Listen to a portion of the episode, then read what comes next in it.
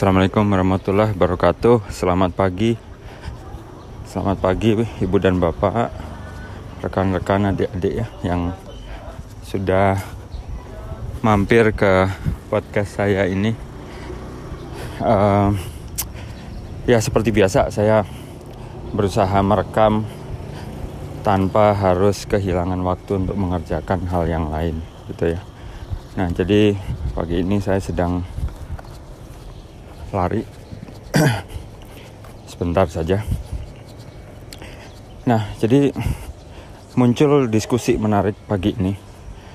Apakah kita harus membagikan apa yang kita tahu untuk kita pelajari atau apakah kita harus membagikan ketika kita sedang mempelajari gitu ya jadi kalau di bahasa Inggris kan itu share as you learn atau share what you've learned. Ya.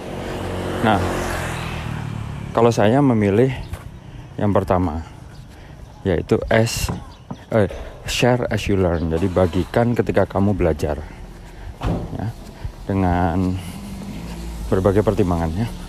Pertimbangan pertama, ketika kita membagikan apa yang sedang kita pelajari, maka kita sekaligus menghormati waktu. Satu, memang kewajiban kita untuk membagikan ilmu ya. Tapi yang kedua adalah kewajiban kita untuk menghormati waktu. Yang sampai sekarang saya masih belajar. Ya.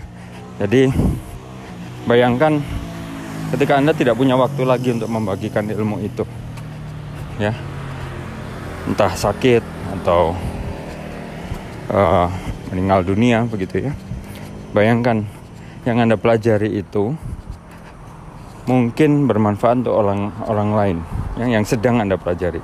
Tapi Anda tidak punya waktu lagi untuk membagikan. Gitu, ya.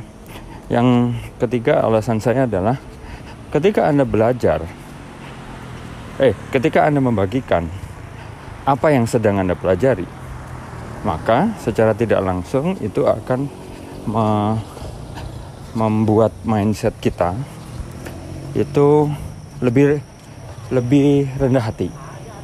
Ya, rendah hati dalam arti begini. Anda sadar bahwa Anda sedang belajar sekarang. Jadi bisa jadi yang Anda bagikan itu mengandung kesalahan bisa sedikit bisa besar atau ada kekeliruan atau Anda salah ucap dan seterusnya. Jadi Anda menyadari itu bahwa Anda sedang belajar karena itu yang dibagikan itu bisa jadi adalah subjek untuk dikoreksi oleh orang lain. Ya, jadi Anda akan dengan sengaja, dengan sadar menyampaikan kalimat itu pasti. Ya, jadi kalimat seperti misalnya begini. Ini saya sedang mempelajari ini. Ya, saya baru mempelajari ini, saya baru tahu dan saya sedang belajar dari beberapa sumber yaitu ini, ini dan ini. Jadi mohon kalau ada yang keliru dari apa yang saya sampaikan, tolong beritahu saya agar saya bisa perbaiki, agar saya bisa koreksi. Ya. Jadi itu, satu menghormati waktu, dua menghormati ilmu pengetahuan itu sendiri yang harus dibagikan. Yang ketiga, itu membuat kita menjadi rendah hati ya terhadap apa yang kita bagikan. Yang keempat, alasan saya adalah bahwa uh, proses belajar sendiri itu adalah proses yang menarik untuk diketahui orang lain.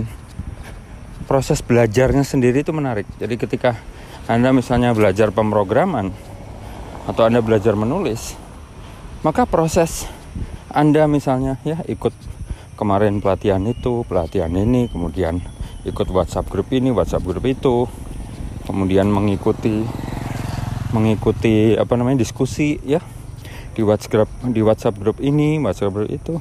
Nah, ketika itu Anda ceritakan, proses belajar Anda itu menjadi menarik untuk orang lain. Ya. Pasti ada orang yang juga ingin tahu bagaimana Anda belajarnya. Jadi bukan hanya apa yang sedang Anda pelajari apa atau apakah apa yang telah Anda pelajari. Ya, tapi juga prosesnya bagaimana. Ya, sekali lagi, jadi Anda orang-orang itu bisa jadi banyak yang ingin tahu proses bagaimana Anda belajar. Bukan hanya apa yang sedang Anda pelajari, bukan hanya apa yang telah Anda pelajari. Gitu ya. Jadi ada empat alasan kenapa saya memilih share as you learn, ya. Nah, ada alasan kelima. Ketika Anda melakukan share as you learn ini dari pengalaman saya sendiri ya. Anda cenderung akan me mendapatkan lebih banyak teman. Ya. Kenapa? Karena ketika Anda share as you learn, maka tidak ada posisi orang yang pakar, tidak ada posisi orang yang lebih ahli dan kemudian ada posisi orang yang sekedar mengikuti. Kebayangnya?